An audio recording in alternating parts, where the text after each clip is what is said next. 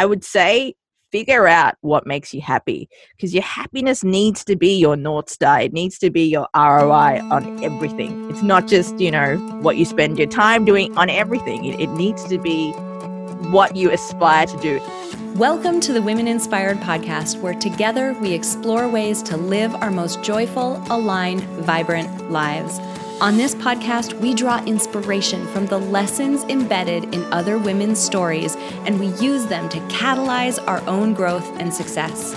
And we explore concepts and techniques from the fields of psychology and design thinking that can help us thrive and make the most of the one and only life we're ever going to have. My name is April Seifert. I'm a psychologist, an entrepreneur, and a self proclaimed life experience junkie, and I'm your host and friend along this journey. This podcast is supported by Modern Well, a woman centered co opportunity workspace in Minneapolis, Minnesota. Friend, it is time to start living vibrantly, by design, and with intention. Here we go. Hello, friends. Welcome back to the Women Inspired podcast. My name is April, and I'm your host. This week, I have an awesome interview like every other week. However, I'm so excited in particular about this week's interview because we're talking about a topic that is so near and dear to my heart, and that is the topics around figuring out who you are authentically, honestly, who you are and then figuring out how to intentionally align the people and environment around you to support the direction that you want to go. It is something that I am so passionate about, and I was just thrilled to have the opportunity to talk about it today with today's guest. Today's guest is Ginny Saraswati, and she is the host of the podcast, The Ginny Show. She's also the CEO of a company that does, I believe it's called Ginny Media, and it does podcast producing for over 40 other podcasts that are out there in podcast land. So, as a fellow podcaster, she and I are like on the same wavelength.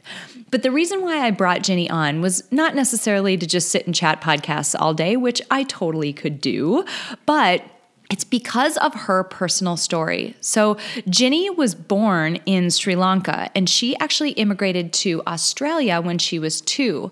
Now, that set up an interesting dynamic between her family, who spent so much more time in Sri Lanka, versus her, who grew up you know, primarily and for the most of her life in Australia. It set up a situation where the expectations that Ginny's family had didn't necessarily match who she was and the direction that she wanted to go with her life. And that's where today's discussion led. We talk about Ginny's experience in stepping into who she really is. There's some really, really valuable and powerful nuggets there. So I can't wait for you to hear that story.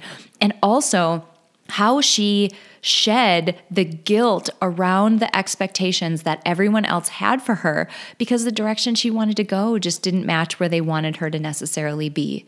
She is such a bright light and has such an incredible perspective on happiness and alignment and why it's so important. And that's why I am so thrilled that you all get to meet her this week. All right, you guys, let's roll my conversation with Ginny Saraswati.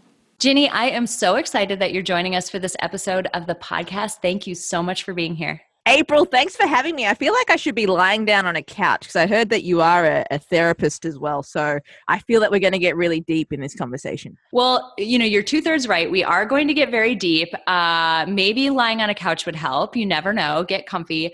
Um, I'm a psychologist, but I'm not the kind that cares about people's problems. I do care about people's problems, but not the kind that can help you in a really like clinical way um, through a therapy setting. So social cognitive, gotcha. whatever, psychology nonetheless. Enough about me, though. Let's dive into you. Tell my audience a little bit about you and just help us get to know you a little bit with your backstory before we dive into our awesome conversation today. Absolutely. So, obviously, uh, with the name Saraswati, people like maybe she's not from America or she sounds a little little different. So, uh, April, I was born in Sri Lanka in a little town called Dehiwala, which is in the capital city, Colombo. Now, when I say that to Americans, they're like, where is Sri Lanka? So, just to bring out the globe here, we'll go for a spin around the globe.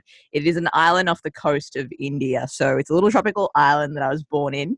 Uh, I migrated to Australia when I was two, hence the adorable accent that you're hearing on the airwaves now. Mm-hmm. Um, and I grew up in Australia for about 30 years. Uh, I was obviously being a child of an immigrant family and obviously being a girl from Sri Lanka. Uh, at the time, Sri Lanka was going through a civil war. So the North was kind of fighting the, the South, you would say. Maybe that's very ignorant of me to say because my history isn't so good. But there was a civil war brewing. So that was one of the reasons why my parents migrated to Australia. So I guess with any immigrant family, there's that expectation of, okay, we're moving to a land with better resources, education, and facilities for you to live a better life than we had back home in our motherland. So there are certain expectations that get laid out, but growing up in Australian culture, I found that my values were colored a lot by that culture, and I was a little bit more, I guess, open to exploring different things than what I was being shown or demonstrated around me. But I think for me, uh, the key thing was that I kind of I'm still kind of stumbling through this process, but I am learning that the ultimate goal for me is to be happy and healthy and alive, obviously, for as long as I can be. So uh, it's been a bit of a battle for me to get to where I am, but now um, I kind of I, I live in New York City now, and I produce podcasts for a living. I um, produce over 40 podcasts for clients uh, who are entrepreneurs and Fortune 500 companies. And it wasn't the life that my parents kind of thought I would have being a doctor, lawyer, or engineer, but I'm doing what I love and I'm very happy doing it. Amazing. amazing. Okay. Something I want to dive into right away. It was something that you said as you were, you know, going through your background. You said that because um, you know maybe because you spent more time in australia you moved when you were two and all of that that you might be more open to other paths. And then you know obviously you followed up with doctor lawyer and very traditional um, very traditional paths. Tell me a little bit about that. Like what does your outlook look like compared to you know people who may not have immigrated as young or even maybe your parents or family?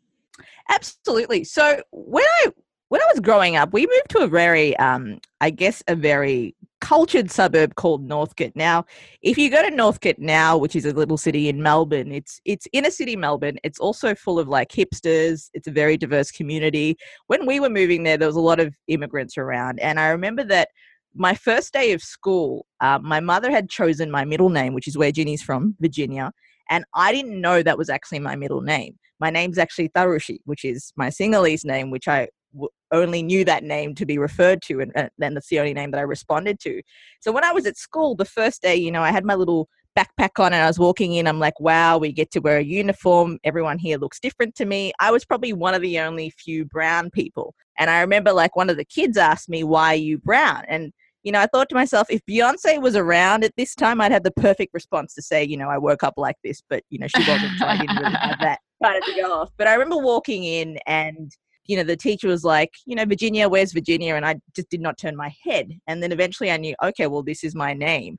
And from there, I knew, okay, I'm a little bit different. And I didn't know how far that different term would stretch. And I think, you know, things like, you know, I played a lot of sports when I was a kid, I, dabbled into the arts.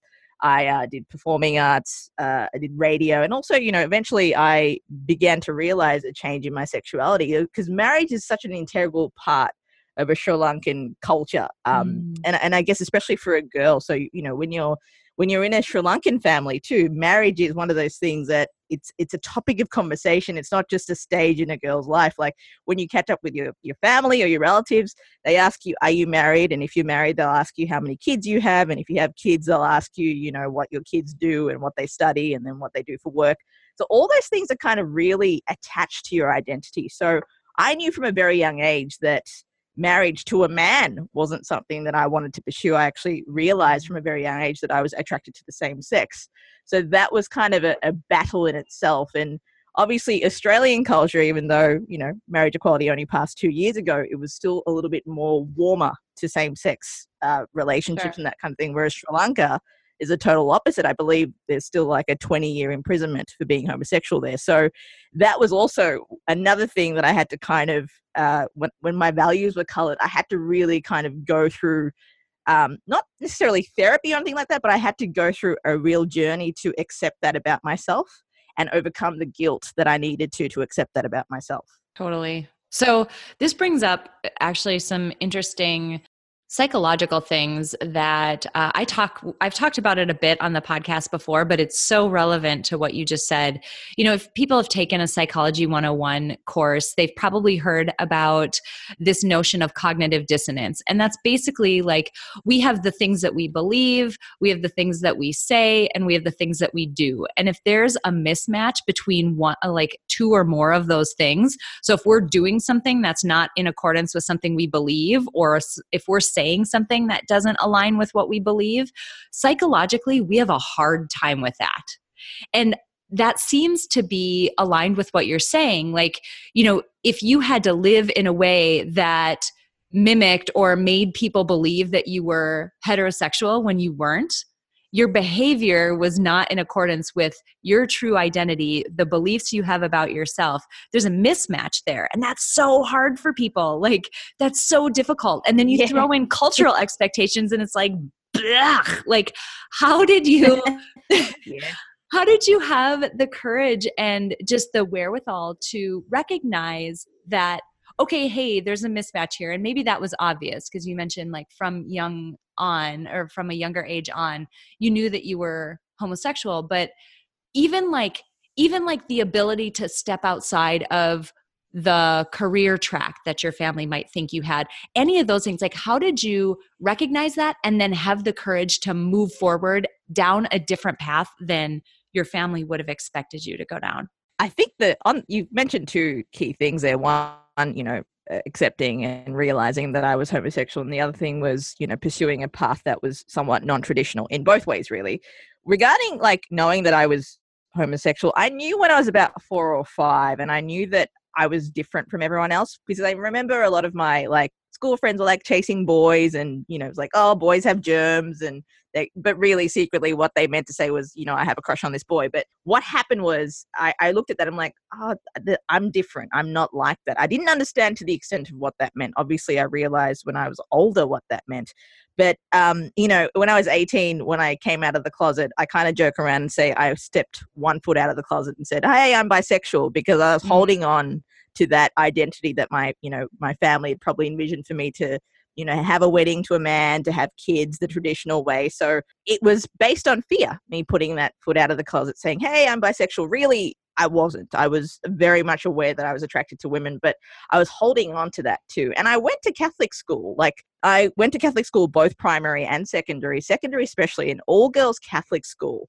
You know, there was a, like, there was a time where I did have a crush on a female teacher, which spread around the school. And that kind of, I guess, fear that you feel because you see these people every day. It's a little bit different in the real world, I guess. Like you see these people every day, and there is this expectation that you need to be civil or nice to them to, to get along because you're going to spend the next six years together. I was scared that I would be judged and that kind of thing. So I just buried it and buried it. But when I left school and, and I came out as bisexual, I kind of felt that, okay, this kind of still gives them the hope that'll get them off my back. But like what you mentioned, April, it wasn't true or aligned with who I was. And as I started, you know, going out and, you know, having lots of gay friends and exploring radio and that kind of thing, I knew no, I'm not bisexual. I'm, I'm, I'm actually homosexual and I, and I identify as, as lesbian and I, I am attracted to women only. And I remember having a conversation with a certain family member when they found out I was gay. She actually said to me, I don't mind if you're gay, but I just don't want you to be that way in public.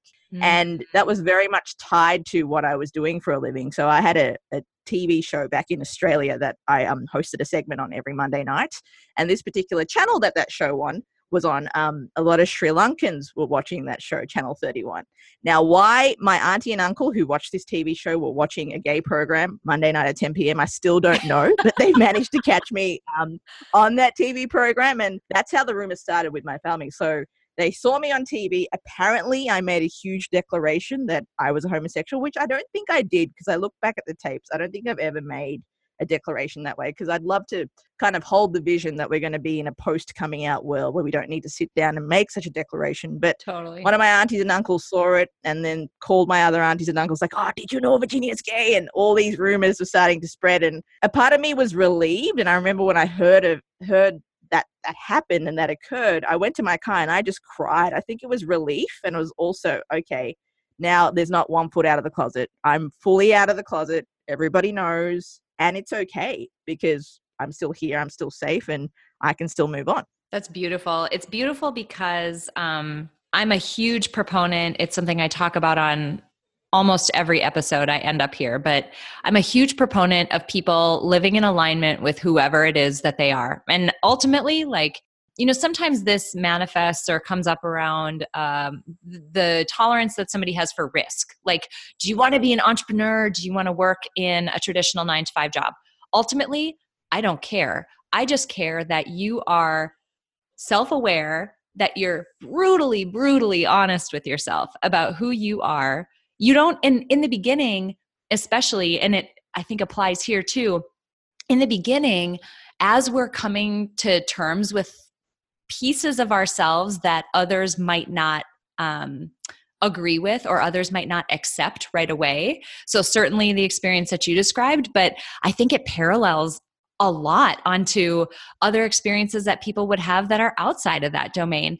But as we start to come to terms with those pieces of ourselves that others might not be as excited about, I think it's so important, even in the beginning, even if you don't tell anyone else, to be completely brutally honest with yourself because you can't, there's no movement unless you do that. Like there's no way to sort it out and to figure out what your next steps are going to be unless you are. And the, the funny like analogy I always make is what if you had a couple of extra glasses of wine? How honest with yourself would you be then? Like your inhibitions are down. What are you going to admit to yourself? Like, you're going to be willing to say things like, I'm a lesbian and I hate my job and I married the wrong person and really blunt things like that, right?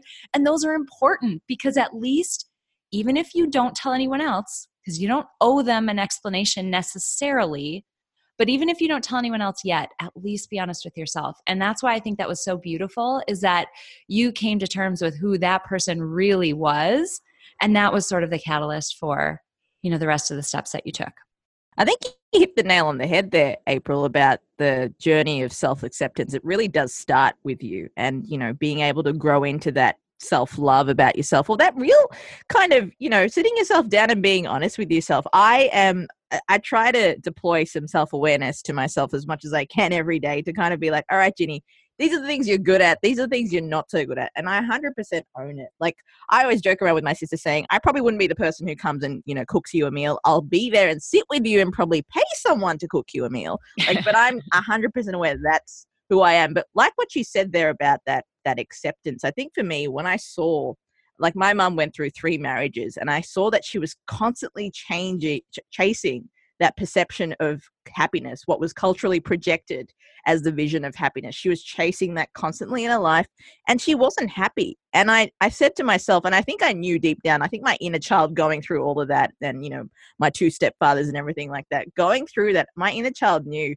you know, happiness is important and it doesn't always have to look the way that people should expect it to. It's got to really look the way that you think it should. And you shouldn't have to, you know, explain that to anyone else or like you said, you shouldn't have to be like tell anyone else that that's that's deeply personal and how you choose to live your life, figuring out what makes you happy may not be the cultural projection, but it's what what makes you happy and that's the most important thing. Totally agree. It's something we talk about. I have a six week program that um, i run a couple times a year. It's called life design lab. And it's basically using the human centered design process which is the process that's used to create things like the instant pot in the iphone like stuff that have that's been through a lot of iterations. But the reason why those products are so good why people like die and freak out and post pictures of their instant pot on Facebook as though it's their child. The reason why they love it so much is that it was developed using human centered design, meaning they got to know the designers of that product got to know the people who were going to be using the product intimately well and then designed around them. And so we do that in Life Design Lab, but we get to know the cool thing is there's only one person in your life. Like you're the only one who's living your life. You have other important people, yes, around you, but they have their own lives. There's only one person exactly. living yours. And that piece right there is difficult for people to accept because they're used to doing what your mom kind of did. Like, oh, well, what about this spouse? Well, what about my kids? Well, what about my, you know, uh, folks back home what will they think about the choices i'm making and the behaviors i'm doing those people have their own dang lives to worry about, you know? And imagine yeah. if, if we just left that up to them to just be concerned about their own lives versus us just living so much to be so careful that we're not upsetting anyone with any of our behaviors. It's just amazing. A hundred percent. I think people are too fixated on, and I understand because you know, as a, a guilt, a recovering guilt addict, if I want to call myself that, um, I can understand that too. Because when you when you kind of do rest your happiness on you know not upsetting other people or caring about what people think you're really not living your life you're not that like you said you're the one who's living your own life you're kind of resting that on other people's expectations and you're never going to be happy if you do that you're always going to end up you know running around in a circle and coming back to that place you're like i'm just not happy but you know you'll keep going around and around and around and you know ultimately for some people you know they end up so far and filled with regret which is unfortunate I totally agree. That's one of the things that I um that I think about so often. There's this this blog article that I've talked about a number of times where um, a woman talked to people who were at the end of their life, and she asked them what they regretted. And one of the top five things that they said is they regretted not living their life as the person they truly were and not allowing themselves to be happy. And what's soul crushing about that is that that's the realization they're having when it's too late they can't do anything about exactly. it. Exactly. Oh, it's just that's killer. Devastating. Yeah, that is devastating because yeah, they unfortunately they they only have memories to go back on and you know the opportunity to live or create a life that they would have hoped for. The windows closing and it's it is so sad and devastating to watch that. Totally. Okay, so now in in your I want to kind of go back to your story and and move us forward a little bit. So at the point that we sort of left off and diverted down this rabbit hole that I took us on, you were, you know, maybe 18 to early 20s or so, you're living in Australia, you're out, you're a lesbian, you're not being arrested because you're not in Sri Lanka anymore. Yay, we're not in jail. Um, at some point your career started to go down a very individual path. Can you talk about that a little bit? Yeah, sure. So when I graduated, so I went to university, like uh, every good Sri Lankan girl did. Or it's kind of, I was really fascinated about my university path because I didn't know there was an option to take a gap year. I didn't know that you didn't have to go to uni. I thought it was just something that just happened, like, you know, hey, I'm turning 15, so I'm going to go to university. Because when my mom kind of laid it out to me, she's like, you know, you go to school, you get an education, you go to university. So I thought that was just that was just a done deal. So when I kind of picked my university course and I was at uni and I, I noticed some people like, yeah, I'm going to drop out, take a gap year, probably work full time, maybe reconvene.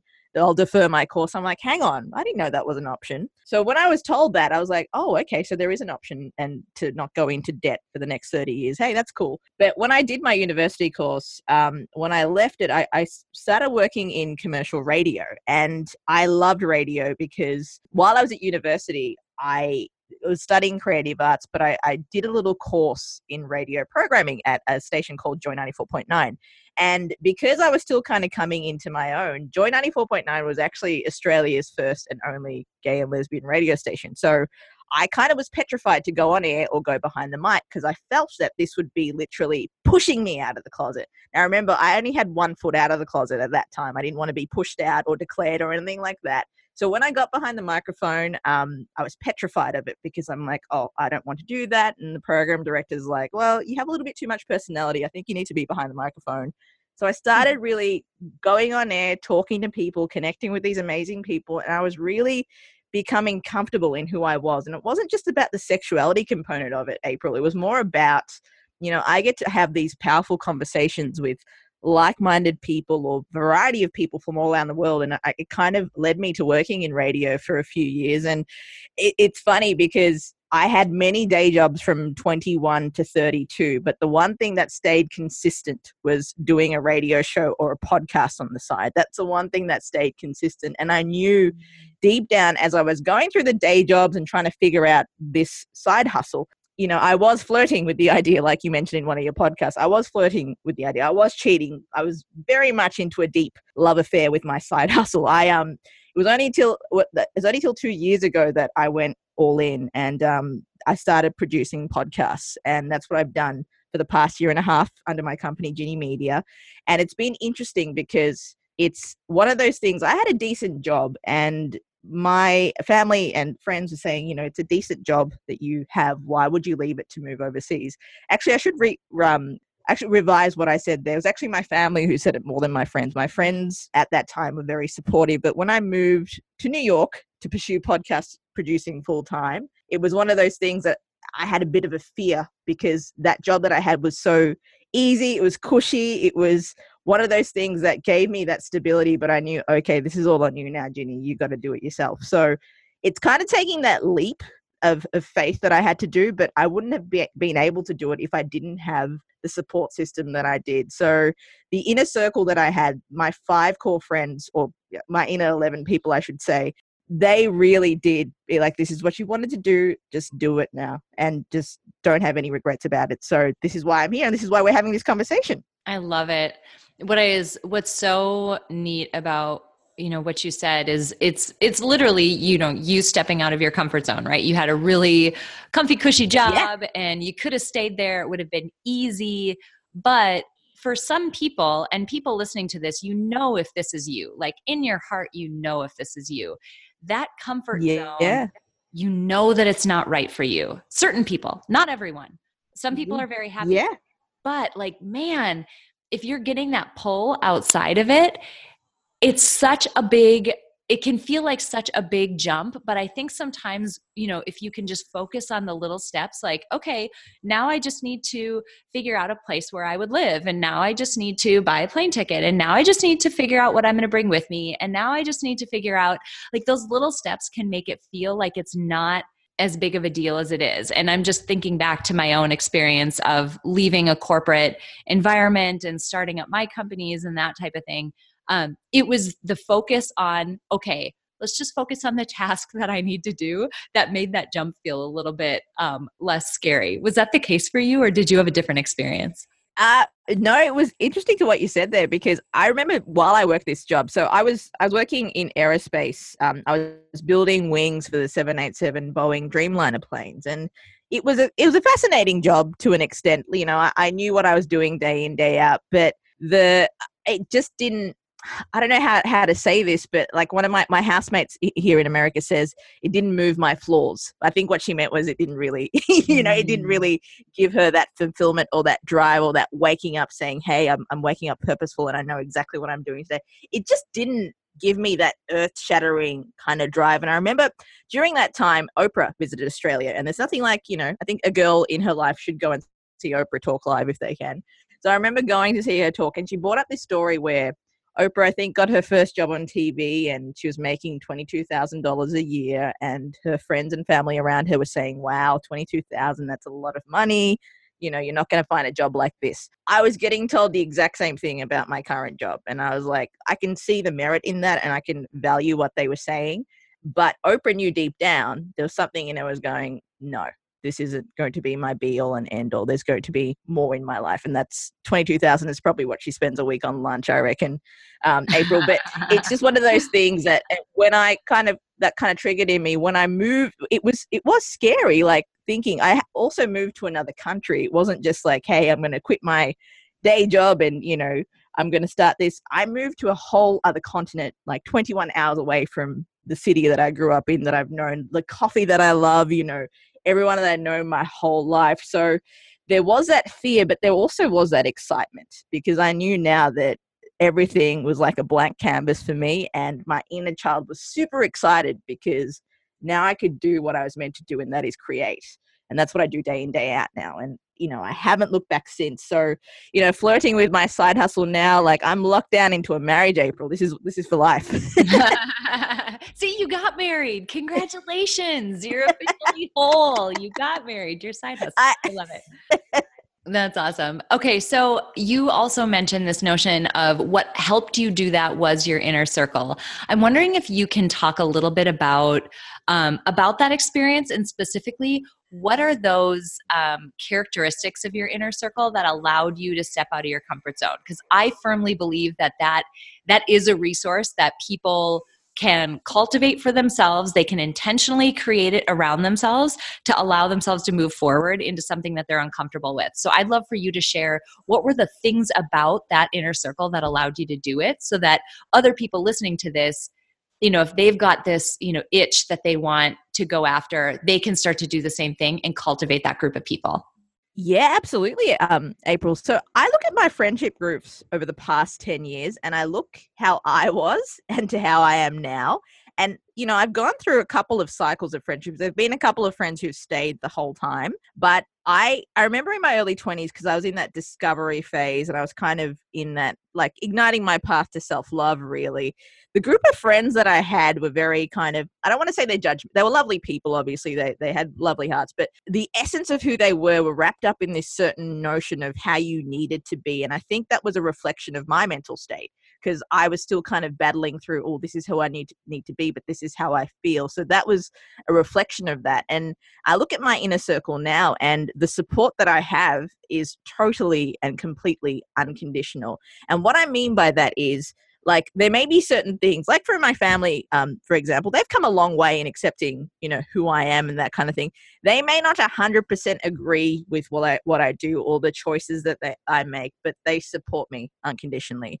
And when it comes to um, you know my inner circle and if you're you know figuring out who your inner circle is and the kind of people that you want to surround yourself with think about you know think about exactly that. What are the kind of things that you want to achieve in your life? Do you want positivity? Well if you want positivity and you have that friend who's always complaining about something that's going to bring you down to some extent and probably cause you to complain as well. If you want that person who's motivated you know have a friend that's you know doing things that keep keeps themselves motivated or uh, is is achieving something with their lives in my life, when I look at my core 11 people or my core five people, there's things about them that I admire and that I aspire to be. And those are the people who keep me grounded in that particular notion. So, you know, as I mentioned, one of the big things is the unconditional support. And I think that's something that is very rare to find because people have their kind of visions and expectations and beliefs of how things should be or a projection of how things should be. But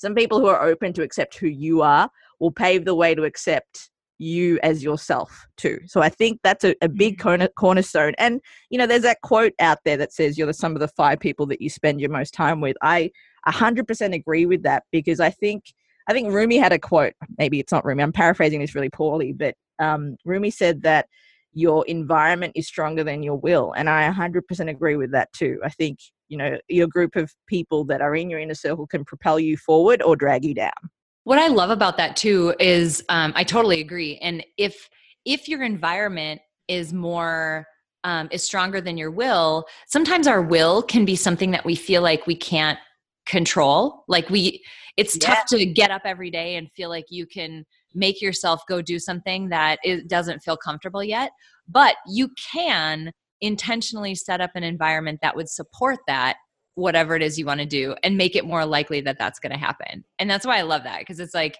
at least you have control over that part of it versus your will which exactly. kind of comes and goes. Yeah. Exactly. Um, well, I think about the fitness industry too. Like I, I'm the kind of person I'll have that gym membership and I'm happy to pay monthly, but I may not go to the gym. But mm-hmm. if I'm seeing a personal trainer, I will make sure I walk in through those doors. I get up at that time because I know that person is waiting for me and investing mm. in my health. So I should do the same. So it's it's very true what you say about your will. It comes and goes, but it's being intentional with it. That's a great example.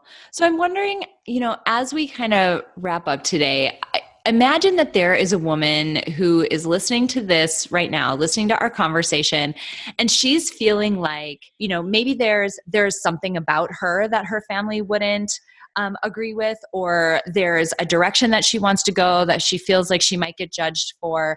Basically, there's that same set of expectations or barriers around her that are trying to keep her in um, the place that she is what advice what practical advice or, or what words do you have for a person who's in that position to help them move forward and um, start to step out of that of that you know i guess bubble that people are keeping them in i know this may sound cliche, April, but I would say i would say this to anyone who comes to me saying I'm sad, I don't know what to do, I'm tied down by expectations, whatever it may be that's holding them back for living from living an aligned life, I would say figure out what makes you happy because your happiness needs to be your north star it needs to be your roi on everything. It's not just you know what you spend your time doing on everything it, it needs to be what you aspire to do and some people you know especially with if you are from an immigrant family or that kind of thing their north star may not necessarily be happiness it may be stability it may be opportunity but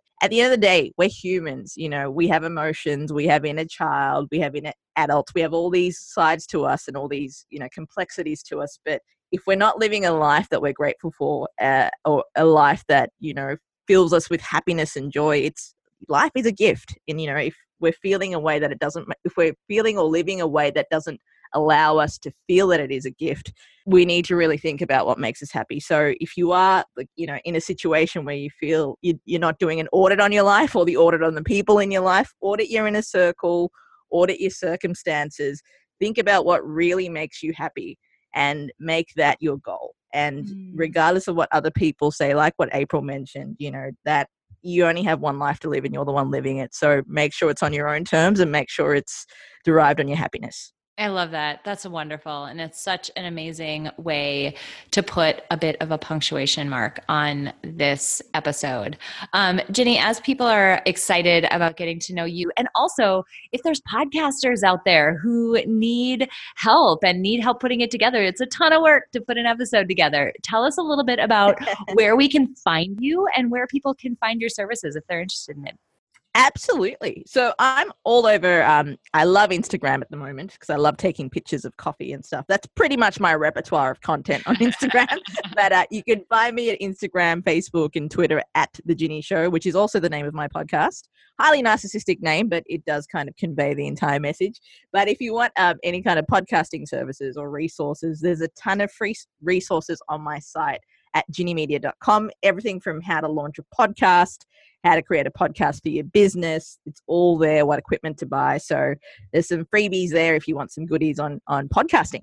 I love that. Actually, that's a question that I get asked all the time. And so I'm definitely going to be sending people to your link because I usually end up having a really long, involved conversation with people, and that would be so much easier. And you've probably done a much more thoughtful job of putting together what an answer to that question should be. How do I start a podcast? I'm like, oh man, how much time do you have? Sit down. This has been just phenomenal. It's been so wonderful. I can't thank you enough for coming on and being willing to be so um, open and vibrant and amazing about sharing your own story and also helping us learn from the experience that you've been through because it's not one that, you know, many of us would ever experience especially moving to the extent that you did and you know all the complexity around that but there are such parallels between your experience and what you know all of us experience day to day. And it is just so valuable when somebody's willing to be so open and come on and share you know what they've gone through. So thank you so much for being here today. April thank you. It's been an absolute pleasure. You you ask such wonderful questions and they're so insightful. So thank you for being such a wonderful host and allowing me to uh, share the platform that you've built for yourself. So thank you so much. There you have it friends. My conversation with ginny saraswati was I not right? Is she not just the brightest light, like the most vibrant, awesome person that you could possibly get to meet and talk to this week? She was just fabulous. And I loved the direction our conversation went because it it just hit on so many topics that are so impactful for all of us. And I want to hit just a few of them. I'm going to hit four. I'm going to go little rogue. Usually I hit three, but I'm going to hit four because there was such amazing stuff in this conversation. Number one, Ginny talked about not stepping out or really not stepping into the person that she really was specifically around coming out as a lesbian. She talked about, you know, coming out as bisexual at first, like maybe one foot out of the closet, not fully out. Um, and it was fear that was holding her back. It's interesting because if you put that together with this notion of cognitive dissonance, it's fear that's holding us in that cognitive dissonance state, and it's to our own detriment. I mean, fear is there to keep us safe, right? Fear is there because it wants to alert us when something is potentially harmful for us. But in this case, fear is the thing that's holding us in a state that is psychologically harmful. And that was such an interesting paradox that I never really thought about until we talked about that with Ginny. So I would just encourage you to think about the situations where fear is holding you back and start to question whether that might actually be doing you more damage than it is doing you good. Is it holding you in a state where you are misaligned between the things that you believe and value and your actions and your own words? Because that cognitive dissonance state is not a good one for you. The second thing I want to highlight is this notion of self awareness and honesty. You can't move forward with anything, even if you desperately want to, unless you can have the self awareness to figure out those aspects about yourself that are truly core, and unless you can be brutally honest with yourself about them. Now, sometimes it can be really difficult to do that because the things that we're admitting about ourselves, saying, I'm a lesbian, I hate my job, I'm not in the right relationship, this isn't the right direction for me, those are so difficult because we can experience sunk cost. We can feel like, man, I've put in all this effort. I can't believe I'm gonna, you know, throw it all away now. Oh my gosh. But to move forward, you have to be able to do that with yourself. You have to have the courage to have the self awareness and honesty to truly figure out who you really are before you can move forward and start to design the circumstances that will let you live fully as that person. The third thing I want to hit happiness. It is so critically important. And sometimes it can feel like such a frivolous thing for us to focus on our own happiness, or we can feel guilty that we're doing it at the expense of other things. If you're a good person, you are not doing that.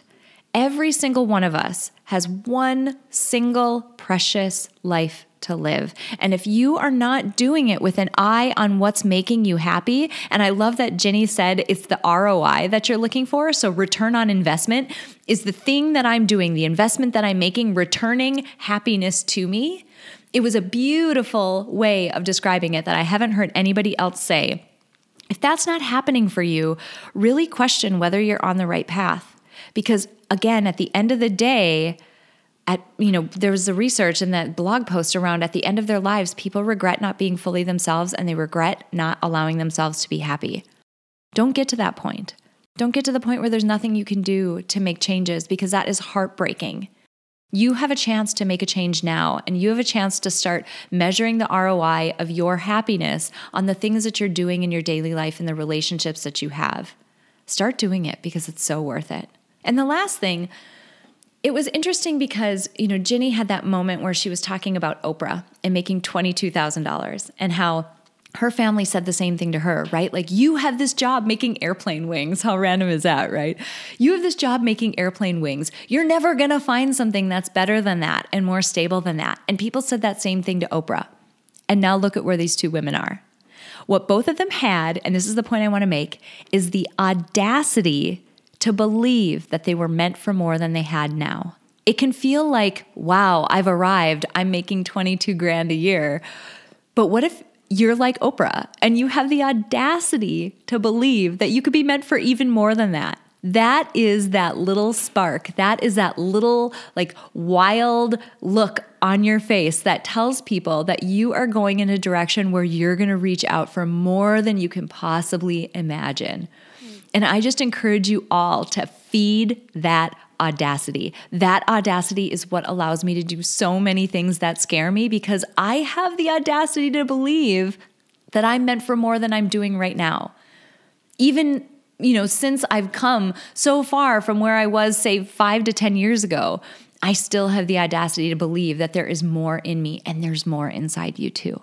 So cultivate that audacity, feed that beast, because that beast is what's going to help you achieve great things. All right, you guys, I really hope you enjoyed this interview with Ginny Saraswati. I had such a great time chatting with her. Ginny, if you're listening to this, I'm so thankful for you being on the show, and I am so thankful for you sharing your story and being so courageous to be so open with it because so many people benefit from hearing what other people go through and the lessons that they've learned. All right, thank you so much, you guys. Can't wait to see you next week. Before we close out today, I want to say thank you to my producer, Cameron Hill, and to my incredible sponsor, Modern Well. If you want to learn more about how you can reach your goals in a one of a kind work life community, visit www.modernwell.co. If you enjoyed this episode, please share it with someone else who might benefit from this inspiring message. And if you have a moment, click the link in the episode description to leave me a rating and a review on iTunes. It would mean so much to me. Finally, I want to remind you that it is absolutely possible to live a happy, fulfilling life, even in spite of all of the chaos and demands we all experience. Sign up at aprilseifert.com to gain access to tools that will help you do just that. I have carefully created and curated a set of tools that combine the powerful fields of psychology and design thinking to help you intentionally create a fulfilling, happy life you love. Thank you so much for joining me this week, and until next week, stay inspired.